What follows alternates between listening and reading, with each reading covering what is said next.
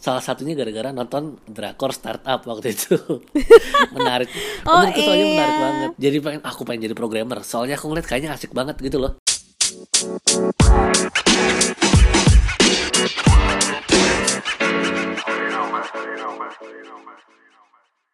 Hola bebu Hello. Aduh, apa kabar ma darling? Baik. Apa kabar yang dengar? Oke. Terima kasih atas jawabannya para pendengar. Kita lama banget soalnya Beb. Kita bolong-bolong mulu ya. Mohon maaf ya. iya. Maaf Ya, ini bikin- jadwalnya lagi susah soalnya. Iya betul. Kita bikin kalau sempat karena ya ini for fun, for fun. Iya. S- Ya, dan, dan dan kita lagi belum bareng sih. Jadi jadwalnya agak susah nyamainnya. Iya ya ampun. Udah turut berduka sih karena banyak banget yang naik kan kasusnya. It's, it's a scary time I think karena uh, banyak yang bilang semakin dekat ke circle yang mereka. Jadi ya stay safe lah semua kalau misalnya kalian Yes. lagi mengalami sesuatu. I hope you stay strong and I hope everything is okay. We hope everything is okay. Betul. Penting jaga kesehatan, minum vitamin dan berjemur saja. Iya bener berjemur. Sekarang pagi-pagi emak gua, bapak gua berjemur. Terus kemarin eh, anjingku ngambil spot papaku terus kesel gitu disundul-sundul kursinya. Gak, nggak perlu nggak perlu ada pandemi udah berjemur ya kalau dia ya. Iya nggak perlu ada pandemi udah berjemur hobinya kalau pagi-pagi. Emang. Eh, anyway, kita mau ngomongin apa hari ini, sayang? Jadi hari ini em, ini sebenarnya kombinasi banyak hal sih, kombinasi antara satu eh, bebuku abis eh, ada accomplishment baru, Wede. Apa tuh? di weh? sekolahnya dia gitu. Nanti kita akan ceritain, nanti kita akan ceritain. Terus yang kedua, kemarin tuh aku juga abis ada temen yang istilahnya curhat tentang hal ini dan apa namanya istilahnya eh, sempat kasih suggestion atau kayak ya open perspektif lah gitu untuk dia bisa take deci- informed decision gitu. Terus dia bilang kayak you know what, this is good kayak karena gue lagi mau menghadapi sesuatu yang lo udah hadapi satu tahun yang lalu. Itu ngena banget kalimat tadi aku. Jadi Iya, iya, maybe maybe ini can be useful for someone. Dan yang ketiga adalah ternyata eh baru kita baru sadar bahwa banyak dari kalian tuh ternyata berusia 17 sampai 22 tahun gitu. Iya, Pantesan masa-masa ya masa-masa dan sekolah, masa sekolah, masa-masa galau gitu ya, mau ngapain kerja bla bla bla gitu. Dan juga eh, ternyata episode pertama banget yang kita bikin, which is tentang kayak skripsi pendidikan education gitu tuh banyak banget ternyata yang dengerin padahal itu tidak ada hubungannya sama pacaran sama sekali ya gitu. So we think this could be an interesting um, topic to talk about. Yeah, so we're going to share what happened within the three, two years, one year past that skripsi episode. Wede. betul. Um, kamu dulu atau aku dulu sayang nih yang share kayak journey kita kayak gimana gitu. Hmm, kamu aja dulu kan kamu yang lebih lama lulus soalnya. Kamu lulus mungkin duluan. mungkin aku dulu ya. Karena cerita kamu juga lebih baru, juga lebih sih. fresh sih sayang lebih- masih on on the road. Mungkin mungkin lebih mungkin banyak yang bisa relate sama aku juga sekarang lagi kayak gini soalnya kan. Mungkin ya, iya iya. Oh aku oke. Berarti aku menceritakan versiku a year ago ya. Versi Oke, ketika kalau- dunia ini masih normal. Enggak lah, enggak, enggak. Aku mau cerita dari titik pandemi, Beb. Pokoknya Oh, sebelum nggak pandemi, sebelum ya. pandemi, ya. kalau pandemi kan intinya aku gap year. Ini kalau ada yang tertarik sama gap year, bilang Ah. aja ntar dibahas juga kenapa aku di satu ngambil gap year.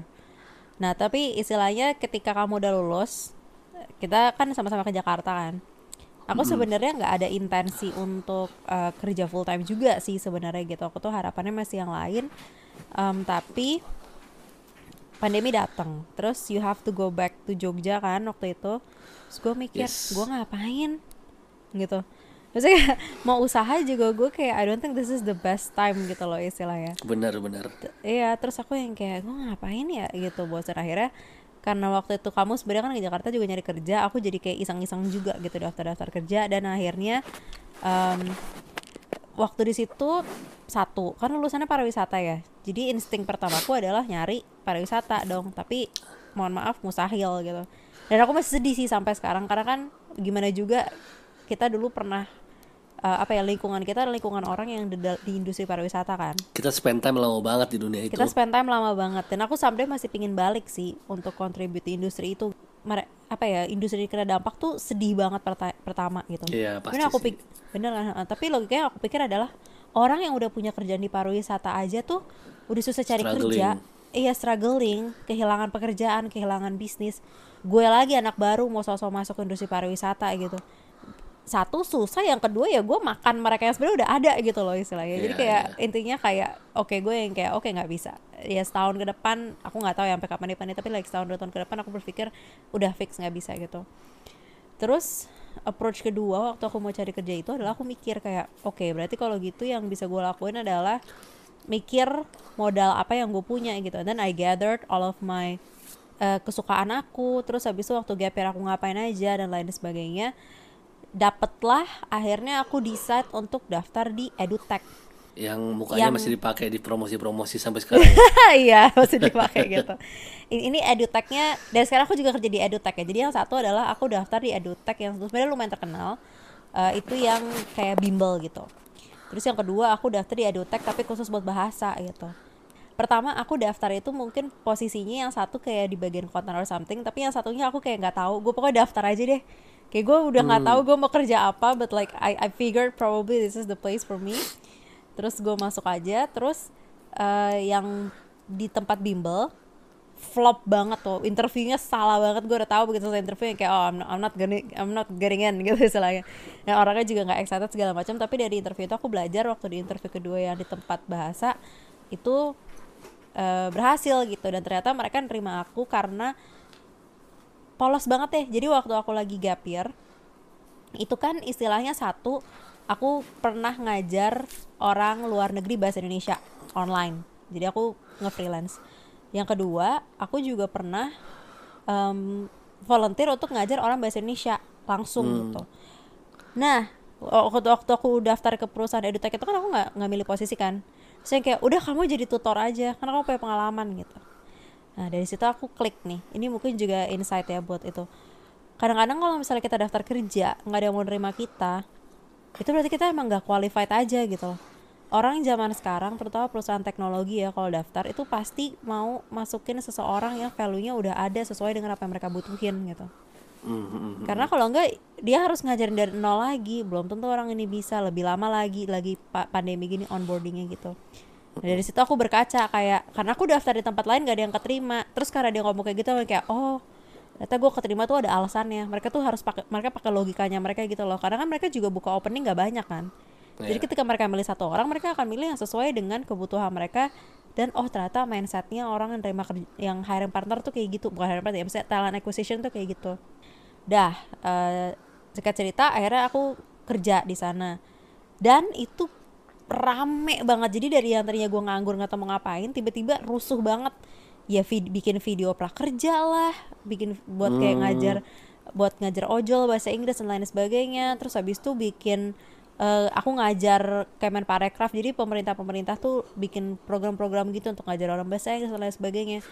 It was one of the busiest three months of my life. Aku cuma tiga bulan btw di situ. Iya. jadi probation, dulu kan Probation tiga bulan. ya. aku probation tiga bulan. Terus kayak tapi itu bener-bener eye opening experience banget buat aku bahwa ini tuh ini bagus sih. Maksudnya kayak apa ya bagus gitu tempatnya cuman waktu itu yang bikin aku akhirnya nggak nggak lama di situ adalah capek banget. Karena aku di situ kan posisinya English tutor dan aku operasional kan. Nah itu tuh ya ampun Tuhan aku tuh ngajar sehari 5 jam nonstop. Suara aku tuh sampai abis weekend tuh cuman bisa tidur. Terus hari Seninnya bangun lagi gitu istilahnya. Dan aku yang kayak orang model kayak aku nggak kuat kayak gitu tiap hari gitu. Aku nggak Hmm, bisa kerjanya kayak gitu. Capek. Nah, ter- capek banget, bener. Nah, di tengah kegalauan itu datanglah iklan dari tempat saya sekarang bekerja gitu. Dulu saya murid di situ. Datanglah iklan di Facebook. Nawarin program digital marketing gitu. Yang sekarang super duper booming ya sebenarnya ya. Bootcamp. Kalau pernah istilahnya kita ngomong kita akan ngomongin bootcamp sih sebenarnya hari ini. Benar. Ini soalnya ini juga apa namanya? eh, sekalian mengedukasi orang soal bootcamp. Kemarin kebetulan temanku ada yang nanya aku sekarang lagi ngapain. Aku bilang aku bootcamp. Dia nggak ngerti apa itu bootcamp gitu loh. Banyak yang nggak tahu Ah, oke, bootcamp itu oke. apa. Ah, oke oke very interesting. Iya juga, iya juga ya setelah aku berpikir. Soalnya aku aku ngerasa ini sesuatu yang umum karena kita berdua bootcamp kan, Iya. meskipun beda sekolah kan. Tapi kayak iya juga ya orang-orang di luar sana mungkin mempertanyakan apa ini bootcamp gitu. Betul, betul. Oke. so iya. Sekalian jadi jelasin dikit tuh Jeb, bootcamp itu apa? kamu udah jelasin. Oke, ya intinya sebenarnya sih bootcamp. Bootcamp itu kan diambil dari istilah militer awalnya kalau aku nggak salah ya. Betul. Di heeh, dia itu istilahnya kayak intensive training untuk jadi militer. Aku kalau nggak salah ini aku lupa istilahnya. Pokoknya poin yang mau kita ambil adalah incentive trainingnya ini. Betul. Jadi latihannya itu sangat diketatkan sekali. Sangat Orang intens. kayak misalnya orang fitness biasanya seminggu lima kali, ini tiap hari digenjot terus dia biar badannya berotot, istilahnya begitu. Wih deh deh. Ya kan. Nah, Luar ini kita biasa juga nih. di sini apa namanya? eh kalau Bebu ambil digital marketing, kan aku ambil programming ya. Yap. Nah, yang kita ambil ini sama-sama kurang lebih tiga bulan ya, Beb ya? Tiga empat bulan Kamu ya. empat, aku tiga. Aku empat bulan karena ada fase preparation. Tapi iya, kalau benar. officialnya tiga bulan juga, ya kan? Aku tiga, Nah. aku nggak ada yang aku tiga bulan plus tiga bulan lagi karena tiga Magang bulan aku ya? praktek magang. ha. Ya itu, kamu ada itunya soalnya. Nah habis itu intinya tuh eh, selama tiga bulan ini kita belajar semua ilmu yang ada di dalam dunia itu, yang bisa diajarkan, ya kan? Ya foundationnya, dasarnya. Mm, dasarnya tuh diajarin banget di situ selama tiga bulan dan selama setelah tiga bulan itu diharapkan seharusnya dengan metode pembelajaran yang menurutku kalau dari dua bootcamp yang kita lakukan ini bagus, harusnya orang-orang udah mengerti 80% dari dunia digital marketing dan programming. Sisa 20 persennya harus explore. Soalnya nggak bisa itu bakal berkembang terus ya kan? Betul. Wow, Nah, istilahnya- luar biasa. Iya dong, pinter ya. Cie kemarin ya. habis dari pembicara soalnya dia. iya. ya gitulah. Keren banget sih pacar. Ya udah pokoknya intinya bootcamp itu cuma selama tiga bulan sekolah pusing tapi habis itu pinter. Tuh. itu bener itu bener banget sumpah. Ya kurang lebih begitu. Yang kita banget. rasain begitu ya Beb. ya. Iya kita rasain sih gitu ya, tahu orang lain. terus terus kamu lagi cerita kamu nih masuk Ya, bootcamp. eh, ya aku masuk bootcamp. So ya anyway, eh, aku nemu iklan itu tentang digital marketing. Nah ini sebenarnya aku juga suka digital marketing dari dulu. Sebenarnya makanya aku waktu daftar di 10 tempat itu, yang lainnya tuh beberapa sebenarnya aku daftar untuk posisi digital marketing atau konten itu. Tapi nggak ada yang mau nerima gue Hmm. kan. Nggak ada emang pengalaman juga, nggak Nah ada itu. background. Aku aku mikir kan gitu karena ga- gara-gara yang waktu interview pertama itu aku jadi mikir oh pantas mereka nggak mau nerima gue soalnya gue nggak ada latar belakangnya sama sekali yang ada aku malah Tapi kalau kamu masuk juga ribet juga ya. Nah, kalau aku masuk, masa aku juga bakal pusing kan? Kalau kemarin kan waktu aku jadi tutor, aku nggak pusing karena aku udah sering sendiri gitu loh ngajar. Jadi waktu masuk aku cuman kayak oh ya udah ini gue dijadiin full time gitu. Nggak ada nggak apa ya udah ada pengalaman gitu. Kalau ini kan nggak ada. Bener juga aku mikir kan gue daftar-daftar gue ngerecokin kantor dia malah ngerugi-rugiin duit dia gitu. Terus makanya aku berpikir kayak kayak emang iya deh gue butuh sekolah, gue butuh belajar dulu gitu. Ya udah akhirnya aku ngeliat Nah aku ngeliat iklan itu aku jadi berpikir kan kayak eh, ambil nggak ya gitu. Dan sebenarnya aku nggak langsung milih yang ini sih. Oh ini juga yang aku mau sharing. Jadi kan bootcamp tuh ya. banyak banget. Mm, bootcamp itu kan banyak banget sekarang kalau kamu lihat. Apalagi di bidang aku digital marketing ya, banyak banget gitu. Kenapa aku milih bootcamp yang ini? Pertama, tadinya aku ada beberapa pertimbangan. Ada tiga, tiga yang jadi kandidat kuat banget tahun 2020 dulu. Eh, tapi yang akhirnya aku milih adalah karena instructionnya. Karena aku berpikir kalau misalkan gini, yang membedakan kenapa ikut bootcamp atau enggak. Sebenarnya belajar digital marketing sendiri bisa nggak sih? Bisa. Bisa lah. Aduh. Semua tuh bisa belajar sendiri. Online tuh banyak banget sumbernya gitu ya. Mungkin bahasa Indonesia belum sebanyak itu ya, tapi kalau bahasa Inggris itu sangat unlimited gitu. Banyak banget dan belajar sendiri juga bisa. Dan ini kebetulan kemarin temanku yang cerita, dia tuh bilang, "Aku sebenarnya udah belajar gitu. Tapi kok nggak dapat dapat kerja gitu." So aku mikirnya logonya cuma satu, ya gue butuh koneksi lah. Istilah orang dalam tuh kan kayak kasar gitu ya biasanya. Kayak ih itu udah orang dalam. Sebenarnya enggak, ya orang dalam tuh cuman istilahnya karena sekarang ketika aku di posisi peru- di dalamnya perusahaan, itu aku paham kenapa orang dalam itu karena perusahaan untuk ngambil kita tuh juga gambling. Nih orang Iya. beneran bisa kerja nggak ya gitu. Kalau ada kalau yang tahu pasti, kan lebih jelas ya. nah, kalau ada referensi orang yang dia percaya bahwa orang ini bagus, itu kan lebih tidak gambling Iya. kan. Karena Apalagi hmm? zaman sekarang kalau cuma modal CV doang tuh susah. CV itu menipu Iya. banget soalnya. Nah itu CV kan orang bisa nulis apa pun kan. Iya, Karena aku sekarang mau sebenarnya nulis aku bisa itu. 20 bahasa juga orang pasti percaya aja. Nah makanya Dan proses untuk kayak ngerekrut orang tuh gak gampang masalahnya Udah panjang butuh biaya naro-naro sebar-sebar platform nyeleksi-nyeleksi orang gitu. Itu tuh nggak mudah gitu loh di mata mereka. Ini aku di sini bukan kayak berusaha menjatuhkan ya tapi aku berusaha memberikan perspektif dari sisi eh, orang yang mau menerima kita. Kalau kita terus bertanya kayak kok gue nggak dapet dapet kerjaan ya? gitu ya. Nah ini sisi dari pola pikir satunya. Jadi supaya a a food for thought aja gitu. Terus aku mikir kan, ini strukturnya gede, pasti dia kenal sama orang-orang bagus. Kemungkinan besar gue bisa direkrut sama perusahaan-perusahaan yang bagus juga.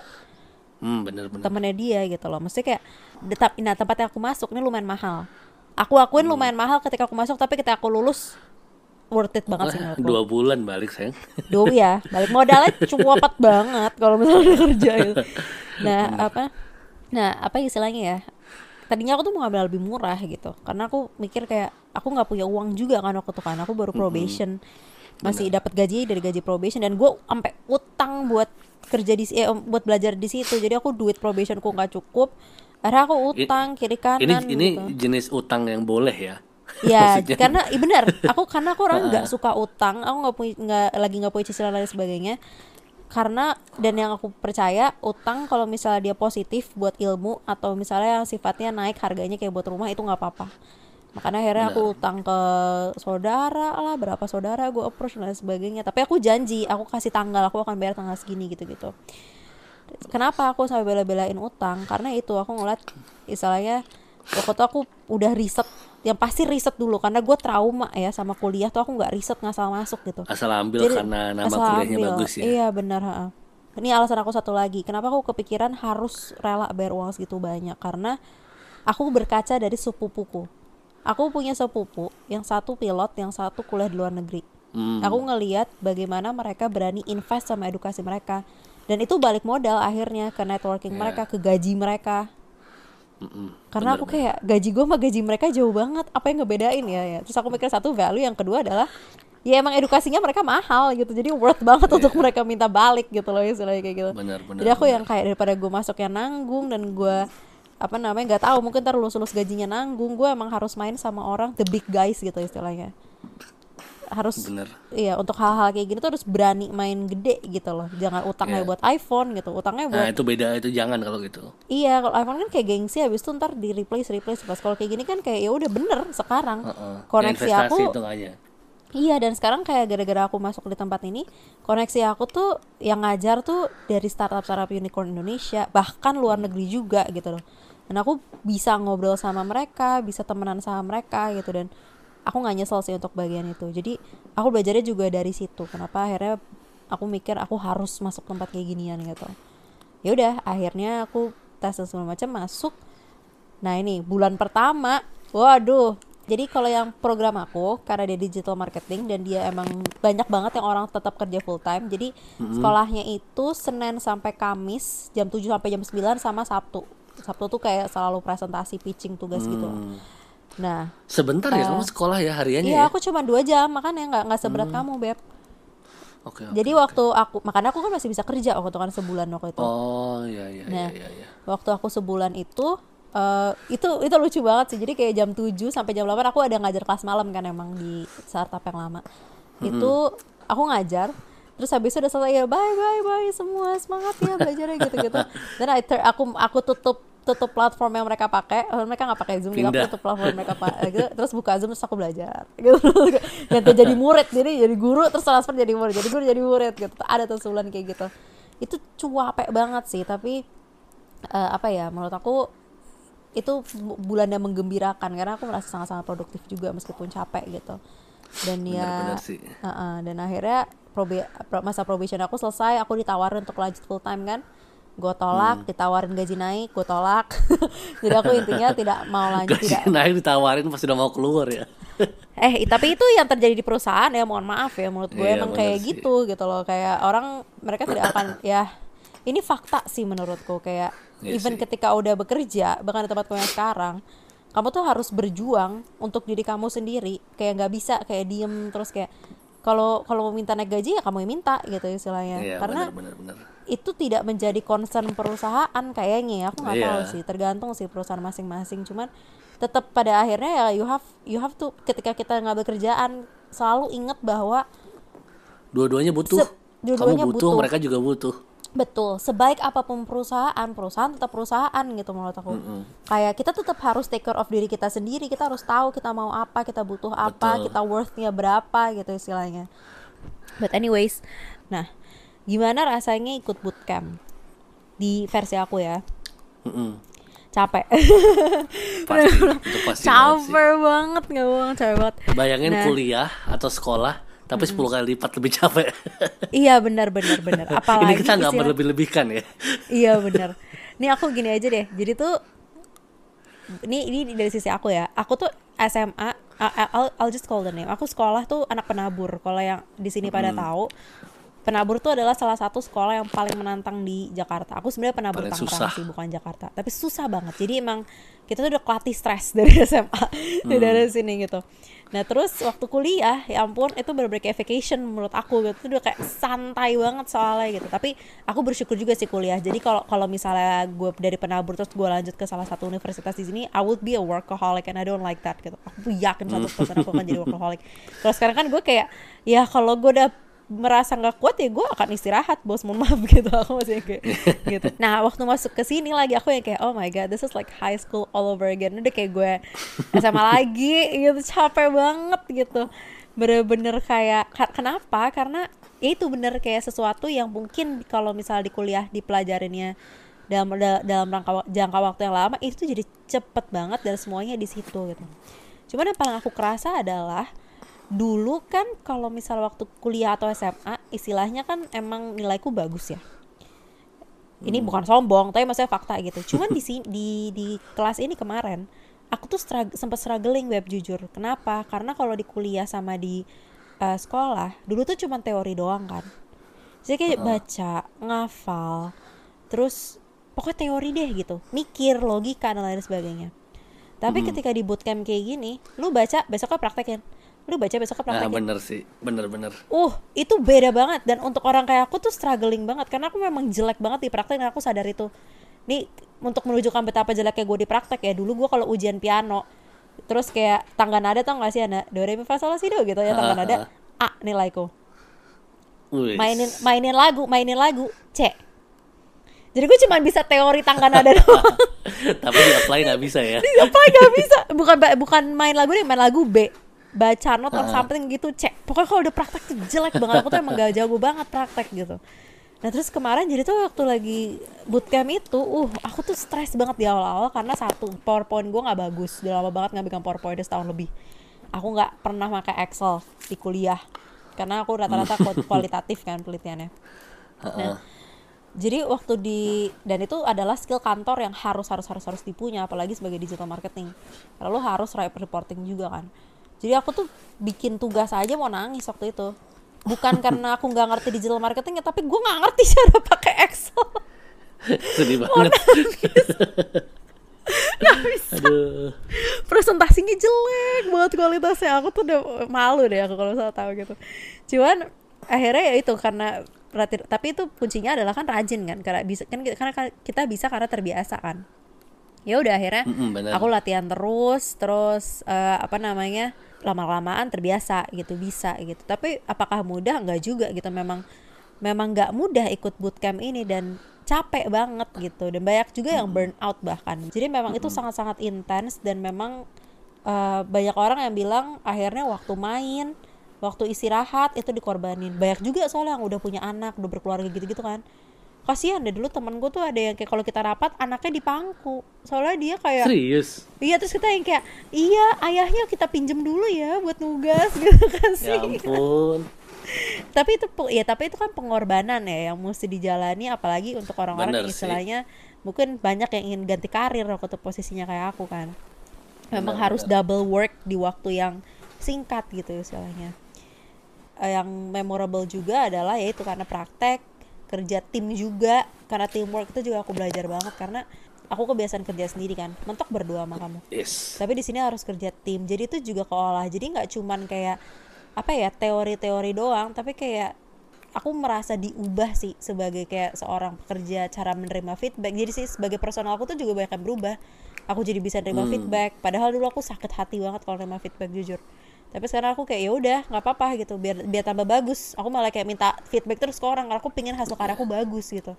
Aku nggak nyangka aku akan aku nggak nyangka itu bisa melalui fase itu gitu ya soalnya jadi paham cara komunikasi kerja sama orang ngasih feedback ke orang. Karena ngasih feedback ke orang tuh nggak susah nggak gampang loh.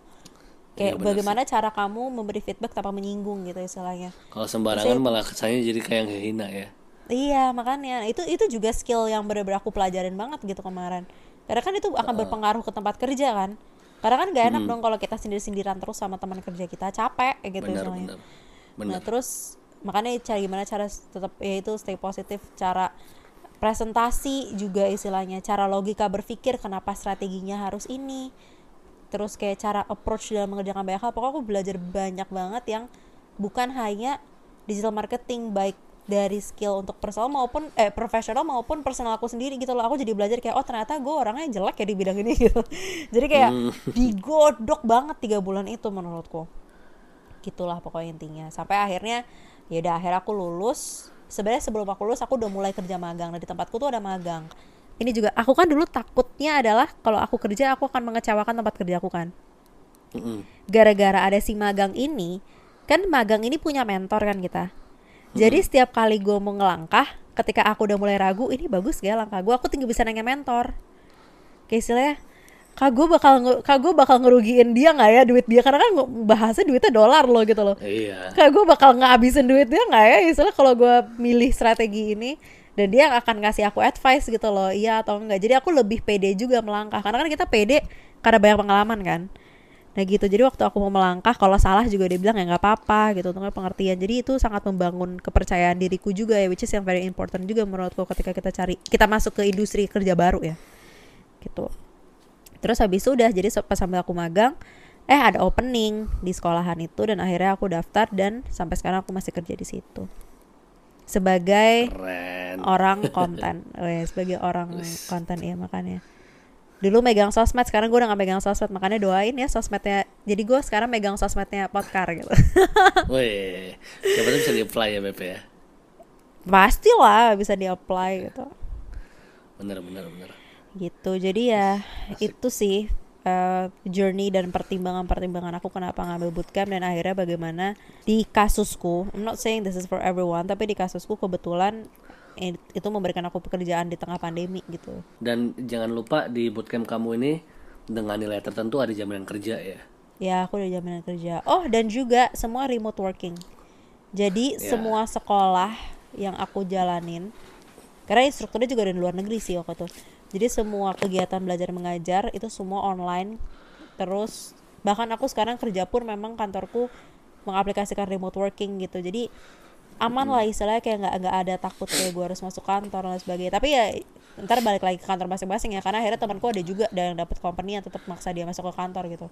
Cuman aku Iya. karena akhirnya kerja di situ ya udah akhirnya aku nggak nggak perlu kerja ke kantor selama lamanya karena dia memang remote working kan gitu dan itu memang Betul, sesuatu betul. yang sebelum pandemi ini terjadi aku sudah memiliki goal di dalam hati bahwa aku harus kerja remote working sih. Karena kita punya mimpi tersendiri ya Pepe yang menyebabkan kenapa kita butuh dapat job yang kerja working dan kenapa bekerja di dunia digital adalah jawabannya Betul, betul, betul. gitu Oke, that's that's from my side. It's really long. I'm sorry. Keren babyku. Iya, Perjalanannya you, panjang honey. sekali. Iya. Now it's your turn, honey. Duh, kalau aku cerita dari mana ya BP? Mungkin dari lulus. Ya pokoknya gini lah intinya. Aku lulus 2020 Februari tadi katanya ya. Yap. Heeh. terus habis lulus ya itulah ya the rest is history. Pokoknya corona. Everybody knows what happened in corona. Orang-orang pada nggak bisa kerja kan. Apalagi buat aku ya apalagi buat anak-anak fresh grade tuh menurutku susah banget karena ya gimana caranya gitu loh. Susah banget. Waktu itu aku ingat teman-temanku juga yang baru mau pindah kerja dia resign bulan Januari abis itu nggak bisa dapat kerja dia susah banget gitu. Kasihan banget sih.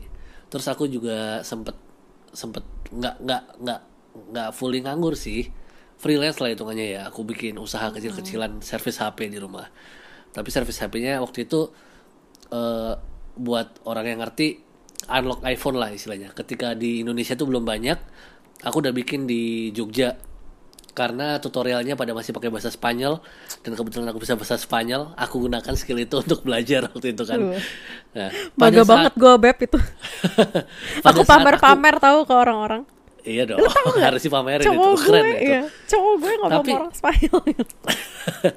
Tapi pada saat itu aku kasih harga itu mulai 150.000 ribu sampai 500.000 ribu tergantung iPhone-nya kan. 150.000 ribu itu kayak iPhone 6 sama 7.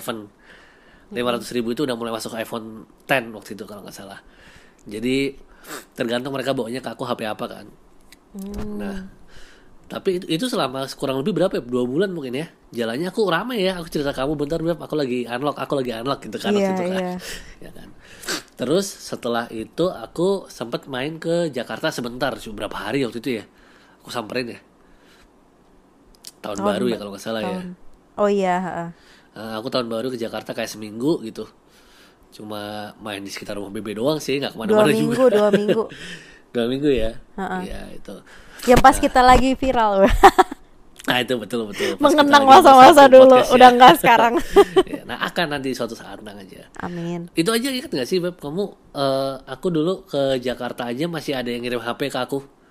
Iya bener sih. Ya kan, aku Iya, kirim iya, lagi ke iya. sana kan. Ya, itu sempat sempat masih tinggi banget lah. Aku lumayan lama dulu benerin HP itu kayak 4 5 bulan lah totalnya. Nah, setelah aku udah mulai balik, itu tuh udah mulai banyak tuh loh dan matiin harga banget. Hmm. Sekarang rata tuh 50 ribu. Terus aku kayak buset. Ah gila, 10 Iya. turunnya jauh banget, Beb. Aduh, gila orang-orang ini mah. Aku kesel banget sih dan aku mulai males. Ngapain aku benerin HP 50 ribu? Hah? itu mah nggak Ya nggak bisa buat apa-apa juga gitu nggak nggak Iya, kerasa ngapain. sama capeknya effortnya aku belajar dari kemarin gitu loh. Ini kayak udahlah nggak usah lah. Apalagi sekarang udah ada aplikasinya satu klik langsung selesai sayang. Kalau dulu aku harus pakai kode-kode gitu.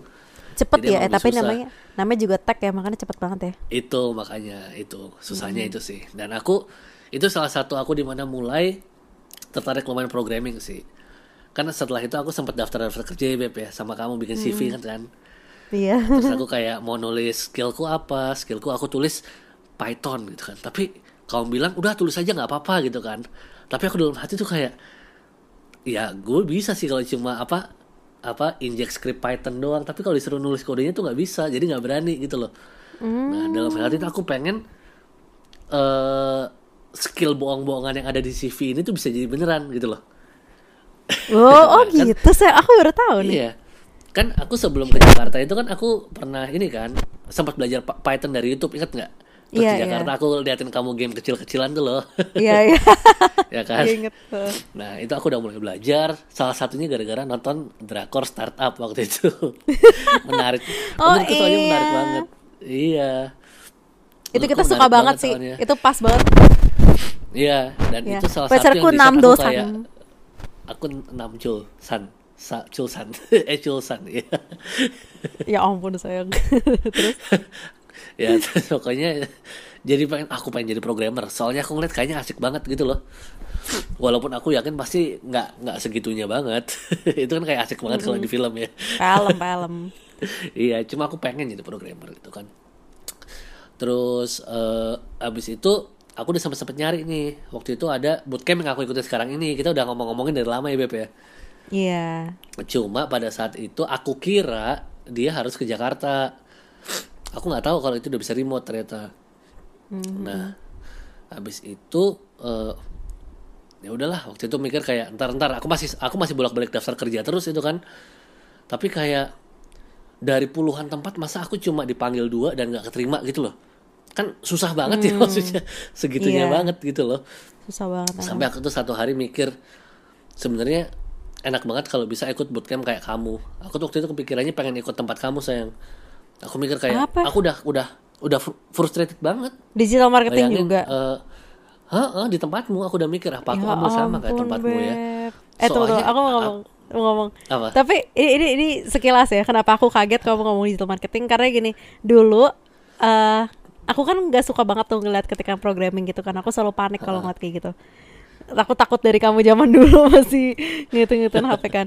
Tapi aku inget banget, aku pernah nge-share ke kamu akun Facebook ads aku. Terus kamu panik. iya susah banget emang Iya, kan, tapi buat gue tuh gampang banget, Beb. nyeting-nyeting doang. Kalau nyeting ya strategi gue nggak berani sih. Cuma waktu itu ya itu karena aku aku juga nggak mau banget sayang ambil digital marketing sebenarnya karena aku udah mikir nggak bakal bisa, aku nggak bakal bisa ikut ini gitu kan. Cuma waktu itu yang agak menggoda adalah jaminan kerja setelah itu, Ah iya iya. ya kan? Karena saat itu aku mikir aku harus dapat kerja, nggak nggak tahu gimana caranya.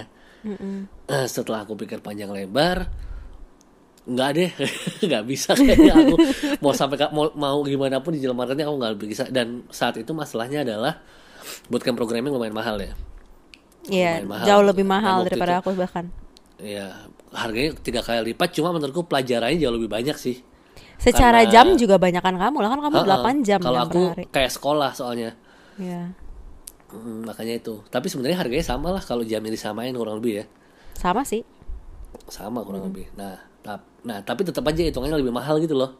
Hmm. Karena waktu itu eh, belum ada option untuk bayar itu. Terus aku sempat mikir agak lama, tapi mikir harga segini. Tapi ya tadi kayak kamu bilang, ini investasi yang ke depannya gajinya juga nggak kecil gitu loh. Iya. Seminimal minimalnya berapa sih gitu loh. Misalnya. Karena aku mikir udah, aku ambil bulan Februari apa Maret ya waktu itu ya. Kalau langsung ambil kan di Maret Maret ya. Maret Jadi di, tem- di tempatku ini ada namanya fase preparation. Nah di preparation ini kita harus lulus dulu nih. Kalau nggak lulus nggak boleh lanjut. Aku pertama nggak lulus dulu. Sebulan pertama nggak lulus dulu. Aku stres banget itu pusing banget. Iya. aku pas pas nerima hasil nggak lulus tuh kayak aku tuh nggak kaget. Aku tahu aku nggak bakal lulus. Cuma kayak ya ampun gila ya. Dan Iya, aku ah. aku hampir aja ngambil langsung batch selanjutnya di hari hari selanjutnya tuh harusnya udah mulai tapi aku nggak ngambil untungnya aku decide buat perdalam lagi sebulan terus bulan Mei ya berarti gitu ya, ya. Ha-ha, bulan Mei aku decide buat coba lagi fase preparation Bayar lagi Dan- BTW. bayar lagi bayar lagi kalau fase preparation gagal bayar nah habis itu wah puji Tuhan lulus nih lulusnya dengan nilai terbaik juga kan bangga Gila. banget tuh ya kan Keren banget. Da- Ini perlu di highlight. Ini perlu di highlight. Iya, soalnya aku sendiri bangga banget sih soalnya dari aku tuh Iya. dulu sebulan pertama aku cerita deh nilaiku tuh 32. 32 di bulan pertama yang aku masuk. Terus di bulan kedua yang aku nyoba lagi nilainya 107, udah di atas 100. Jadi Gila. Ya kan? Terus udah gitu nomor satu ya saya ya projectnya ya. Juara Iya, satu. ada lomba, juara satu dapat tumbler. Kan seneng banget tumblernya dipakai terus sekarang. Kalau lagi kelas aku minum-minum gitu. Pamer. ya udah, pokoknya udah kelar tapi fase nol ini sebenarnya nilainya nggak dihitung. Oh Nah, gitu. jadi habis nggak dihitung. Cuma tetap jadi pertimbangan juga. Maksudnya, oh ya ini pokoknya istilahnya kan aku waktu itu pertamanya ambilnya yang reguler ya. Reguler itu yang bayar lunas langsung di depan. Mm-mm. Tapi karena satu dan lain hal, aku nggak bisa bayar lunas ternyata. Nah, mereka ada program ISA nih yang in- in- income share agreement itu yang potong gaji ya kan. Tapi kan yang boleh dikasih sebenarnya cuma orang-orang tertentu, rata-rata lulusan IT kan. Mm-mm. Cuma mungkin karena mereka ngelihat nilaiku bagus waktu itu, jadi mereka oke lah kamu pindah nggak apa-apa gitu. Mungkin mikirnya gitu ya. ya kan. Kerennya. Soalnya gampang banget loh aku mau pindah waktu itu kayak nggak ditanyain apa-apa langsung aja. Iya lah, soalnya kalau dari sisi mereka juga istilahnya mereka udah tahu nilai kamu bagus. Income share agreement juga secara business value juga akan nambah ke mereka kan. Benar-benar. iya sih. Nah, gitu sih. Dan akhirnya aku kemarin ini aku baru ini sih eh, masuk kelar fase 1 kan. Nah, jadi fase 1 itu eh apa ya? Istilahnya udah mulai berat lah kalau aku kemarin tanya ke badiku. Sistem ker- sistem pelajaran di bootcamp itu jauh lebih advance daripada kuliah. Hmm, oke. Badiku mau membandingkannya begini. Kamu ingat nggak ada tugas Asterix gitu kan? Asterix itu tugasku hari keempat di fase preparation, ya kan? Mm-mm. Jadi di fase Hari keempat di preparation, oke. ha. belum masuk ya ini ya. belum, aku masih, Masih belum trial jadi belajar ya? programming ya, masih trial itu hari keempat. Terus badiku bilang itu tugas UTS semester 4 loh. Terus buset. Gila serius. iya. Terus kan aku nanya, lah kalau fase satu gini kak, ini kalau misalnya kita masuk ke kampus, kapan? Ini tugas akhir gitu semester akhir katanya Serius? iya jadi Yang kemarin kau begadang-begadang itu? bulan Heeh, dua bulan belajar ini Wow, heeh. kalau di kampus tuh bisa diajarinya akhir-akhir gitu loh Aja gile. makanya gila Kau ya. dua bulan, kamu dua bulan berarti kan menguasai itu. iya dua bulan dalam dua bulan loh gila loh ini menurutku Oke. Terus habis itu dan dia juga lulusan IT kan. Dia bilang ketika dia lulus dari kuliah dulu, Hmm. dia bahkan nggak bisa ngelakuin apa yang anak-anak ini sekarang lakuin waktu itu. Sumpah. Karena ya karena ya ini aku bukannya gimana-gimana kembali lagi sistem edukasinya nggak bagus. Oh iya. Nanti aku Ya ada kan? mau bahas dikit tentang ini. Ha-ha. Nah dan kebetulan di sistem edukasi yang kita berdua ikut ini bagus kan. Yap. Iya. Sebenarnya gitu bukan sih. sistem Nah, edukasi sih sayang, mungkin lebih ke arah silabus kali ya. kebutuhan, kebutuhan. Nanti aku Iya. bahas deh. Betul. Nah, di fase 1 kemarin nih aku aku mau sharing dikit deh. Di fase 0 itu kan nilaiku perfect sempurna ya. Yes. Di fase 1 tuh tapi di fase 1 itu minggu pertama nilaiku 80. Wow. 8, 85 kalau nggak salah minggu pertama kan. Di minggu kedua agak turun jadi 80. 80. So awesome honey. Minggu ketiga aku belum cerita ke kamu nilaiku jelek banget. minggu ketiga aku burn out. Aku burn out banget, kacau. Kepala aku lagi nggak bisa mikir. Nilaiku 35 minggu ketiga. Itu kacau Oke. banget. Itu jelek banget. Tapi abis itu bagusnya lagi di bootcampku ini ada kayak BK-nya gitu, psikolog psikolognya gitu. Oh ya? Terus aku sempat, aku sempat sharing ke dia gitu kan, kak aku kenapa ya, kenapa nilai aku jadi begini? Terus dia bilang, coba kamu cari masalahnya gini. Pokoknya kita ngobrol lah di situ kan. nah setelah, soalnya eh, aku ngerti ketika kita lagi bootcamp itu, kita butuh orang yang ngob- buat diajak ngobrol, tapi bukan orang terdekat, karena orang terdekat itu nggak bisa diajak ngomong kayak Nggak gitu paham. soalnya. Heeh. Jadi harus cari yang mereka siapin gitu kan. Dan itu ngebantu banget di minggu keempat. Aku belum tahu nilaiku berapa. Tapi aku lulus istilahnya. Jadi aku naik kelas. Aku kemarin baru naik kelas lagi. Congrats. Pusing banget sih. Thank you honey. Cuma maksudku eh, mungkin karena karena jam belajar di tempatku lebih panjang dari jam belajar di tempat kamu ya. Soalnya kan kalau kalau ini alur alur kehidupanku sebulan belakangan tuh jam 9 sekolah, Mm-mm. kelas sampai jam 2 ya kan. Jam 2 tuh ngerjain tugas sampai jam 12 malam. Yang lama Oh ngerjain God, tugasnya. banget. Jadi ngerjain tugasnya itu bisa 10 jam. Astaga. Iya. Dan dan itu tugasnya tuh udah mulai yang berkesinambungan tuh loh, Beb. Jadi kalau misalnya hari Senin aku nggak ngerjain tugas, aku nggak bakal bisa ngerjain tugas hari Selasa. Makanya harus selesai terus gitu. Tapi jadi ke build disiplinnya ya? Jadi ke build. Soalnya Oh, mereka tuh gini, dalam seminggu tugas yang dinilai itu cuma tugas hari Kamis. Tapi kalau tugas hari Senin aku nggak ngerjain, aku nggak bakal kelar tugas hari Kamis ini, gitu loh. Hmm, wah itu menarik banget sih. Makanya jadi aku nggak mau harus ngebut dan kerjain tugas ini, gitu loh. Iya, iya, iya. Dan di sini banyak banget orang yang burn out. Hmm. Capek banget pasti. Soalnya udah ya di push lah otaknya gitu loh. Iya, iya. Cuma I think working in digital sadar- ya. Iya, bener. Because digital is so fast. It's it's ya memang burnout.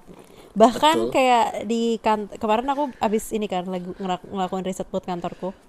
Banyak banget perusahaan teknologi sekarang kasih policy atau kasih benefit kayak kasih fasilitas itu entah mereka tadi provide mental health atau dikasih uang untuk cari bantuan sendiri.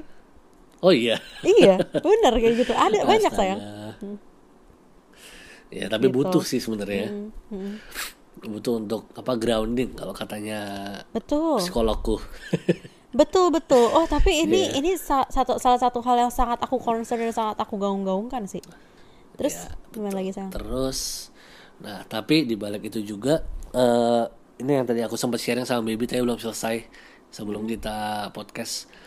Hmm. Aku kemarin diminta jadi bukan pembicara sih, cuma diminta sharing-sharing sama adik-adik. Wis adik-adik, padahal keren lebih tua juga kali ya.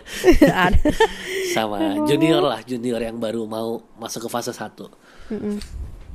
jadi mereka tuh habis ngerjain proyek yang aku kerjain yang aku juara satu itu kan Wede.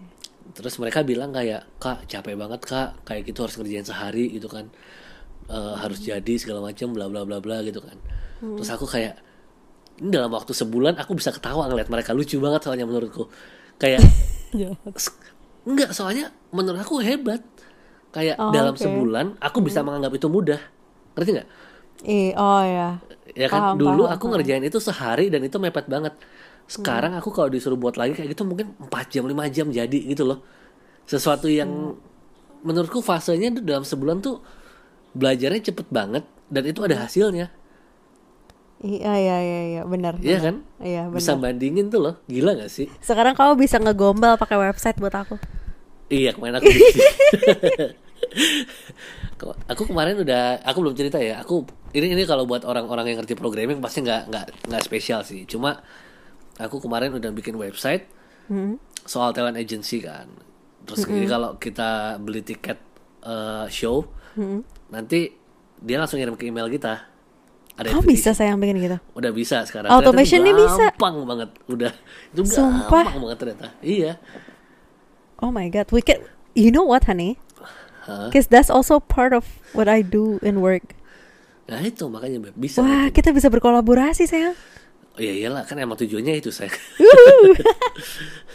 iya udah bisa. Mudah lah pokoknya. Ya gitulah bangga lah. Dan menurutku aku acungin jempol banget sama bootcamp di mana aku belajar sekarang. Karena pada banyak orang bilang bootcamp ini mahal. Tapi nggak ada satupun yang bilang bootcamp ini nggak worth it. Iya.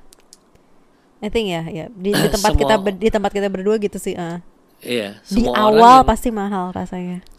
ada satu dua orang bilang "Eh, nggak usah bootcamp di sana mahal nggak worth it gitu kan tapi dia gagal di fase satu jadi istilahnya dia nggak ngerasain full benefit Mm-mm. dia udah rugi ya, dan dia marah istilahnya gitulah. Padahal kan kayak gitu kan istilahnya eh, dia sendiri yang mengundurkan diri gitu loh. Oh sama aku kemarin lihat wisuda teman-temanku yang dari bulan pertama aku masuk. Aku bangga banget ngeliat mereka sayang Oh. bangga banget. Soalnya kita sama-sama bodoh dulu. Sama-sama Sama-sama nggak ngerti sayang. apa-apa. Terus mereka banyak beberapa yang aku pernah ngobrol itu jadi murid aner aner itu nilai di atas 90 Wow, Ada- impressive.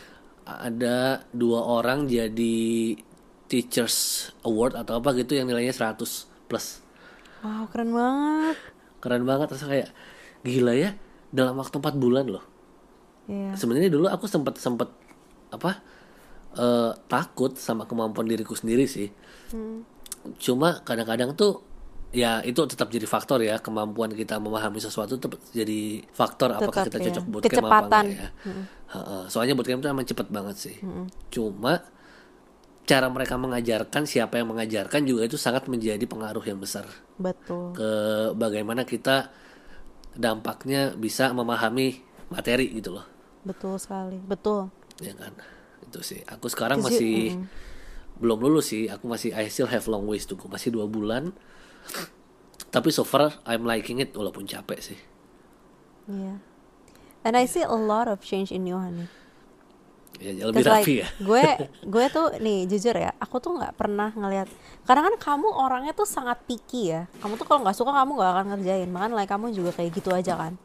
Kamu tuh kalau Iya, nggak peduli nggak peduli. Tapi setelah ka- sekali kamu peduli you're very excellent menurut aku. Dan aku Thank you, honey. melihat itu tuh kamu sangat excellent. Dan aku melihat itu hanya pernah di kamu nari sama programming. Yang you bener-bener kayak you are very dedicated. Terus apa ya sa- sangat berdedikasi dan berubah sayang. Maksudnya kayak itu kamu jadi lebih rapi kamu jadi lebih apa ya peduli banget. Kamu juga jadi lebih disiplin gitu kayak I don't know I see I see some good changes in you. And it's it's it's also weird honey karena ya ini ini nyambung soal pacaran dikit sih. Cause like kayak we've been dating for five years kan. Sometimes it's also it's not only about kayak loving each other but also seeing each other grow gitu loh. Karena kan aku nggak bisa keep versi kamu yang kamu kuliah selama lamanya kan. Ya jadi aku kayak melihat kayak ih ya ampun pacarku berubah bagian ini benar dan benar benar. untungnya begitu Tuhannya ya for the better gitu. And I'm very very very proud of you. I think Oh, you're very untungnya. inspiring. Ya untungnya kalau lagi jadi lebih negatif kan ya gue males lah malah ngapain gitu. Tapi kan aku ngeliat kayak nggak tahu aku like like I'm seeing a new version of you and that's just cute. Oh thank you honey. I'm you're so welcome honey. Cute. like a guinea pig. Yeah you're so whatever. Yeah you're so cute honey. Ah sayangku semangat tapi sayang. ya menurutku aku dari aku sih kurang lebih begitu sih. Karena aku juga belum selesai kan bootcampnya. Masih apa namanya aku masih perjalanan lah untuk menuju selesai dan mudah-mudahan ya aku nggak berharap jalannya lancar sih jalannya pasti akan berat jalannya pasti akan eh, challenging tapi I'm enjoying it Ya, I can see you're enjoying it. Meskipun kita jadi jarang banget ngobrol ya. Yes. Ini gara-gara lagi gap dari satu fase Nanti ke ya, fase sayang. berikutnya. Iya nggak apa-apa sayang. Tapi ini mau buat buat yang ngedengerin juga aja. Kita juga nggak janji nih next episode kapan. Oh. Karena bapak kayak lagi sibuk banget. benar benar benar oh tapi itu tuh salah satu pertimbangan ya Beb ya kalau misalnya mau ikut bootcamp ya Kenapa? eh bukan pertimbangan sih sesuatu yang harus dibicarakan sama pasangan bahwa itu akan sibuk sekali Ya benar sih. jadi harus saling mengerti gue kalau tidak melihat masa depan udah udah udah males sih Beb sekarang sama kalau belum lima tahun gitu kalau baru pacaran tiga bulan ada cowok bootcamp terus gak jelas masa depan gitu gue putusin sih gak gak guna soalnya oh gitu dong masa depanku jelas sayang udah jelas Iya nggak makanya kalau kita kan kayak ya udah kita udah lama pacaran. Aku juga tahu ini tujuannya buat apa. Kita sama-sama tahu kan. Masih kayak ya emang ya udahlah cuma empat ya empat bulan doang kayak gini habis itu ya udah moga-moga udah lebih better gitu loh lebih bisa ngobrol. Karena emang jadi kayak nggak nggak- apalagi kita LDR sih juga itu juga itu masalahnya. Kayak super super hectic. You rarely talk. If you don't trust, it's gone menurut gue. benar itu benar sih tapi ya nah itu Iya. jadi ya buat konsiderasi lah semuanya menurutku sih kalau dari apa pengalamanku pribadi yang udah aku rasakan bootcamp is so much better than going to college Ah itu Tapi- juga tapi aku mau bahas. Tapi kamu selesai dulu. Kan tapi bukan berarti you don't have to go to college tetap Nah. tetap the the connection tadi yang kayak kamu bilang it's still very good Iya benar, benar-benar. Nih, apalagi satu dikit. lagi itu apa namanya sekarang kerja butuh butuh sarjana sarjana apa pun lah itu Nah, itu yang aku mau ngomong. Jadi tuh gini, kayak like mungkin kita di sini satu nggak dari dari pengalaman kita pribadi. Memang pengalaman ketika ikut kayak sekolah yang kayak begini lebih ngena di kita dan akhirnya lebih uh, berdampak lebih lebih terasa dampaknya ketika bekerja kalau di aku ya kasusnya dibanding pas dulu kuliah gitu. Tapi di kasusnya kalau misalnya ada yang tahu kita berdua tidak terlalu puas dengan dunia perkuliahan kita gitu. Mungkin di sini juga Betul. banyak yang kuliah dan kuliahnya sangat menyenangkan, sangat insightful dan lain sebagainya. Nah kita kebetulan kita berdua sih kita kita nggak bilang dia jelek ya, tapi di pengalaman kita berdua tidak tidak terlalu baik gitu di universitas.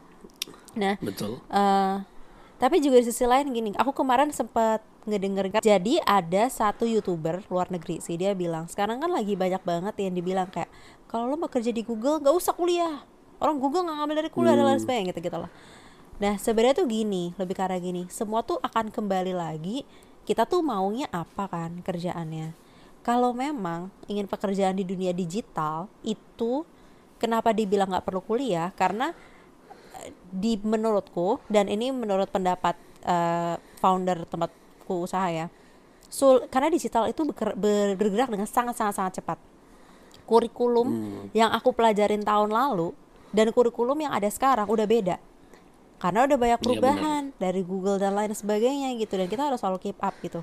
Sedangkan yang kayak tadi kamu bilang kalau di kampus mereka udah ngeplan empat tahun ke depan kurikulum kamu apa dan mungkin tidak terlalu mengkonsiderasikan perubahan-perubahan yang terjadi karena memang sistemnya susah untuk bisa Hmm, ubah segitu cepat. Birokrasinya susah ACC kurikulumnya susah gitu dan lain sebagainya. Jadi memang itu kenapa di dunia teknologi si bootcamp bootcamp ini memang istilahnya lebih laku dan lebih menjawab kebutuhan pasar atau kebutuhan perusahaan gitu. Karena cepet Hmm. banget juga gitu perubahannya. Sedangkan di kuliah nggak bisa kayak gitu sistemnya gitu. Jadi kalau misalkan memang eh, mau kerja ya, yang kayak kau bilang gitu loh maksudnya kayak orang yang udah lulusan IT mungkin juga kadang-kadang masih bingung pas lulus.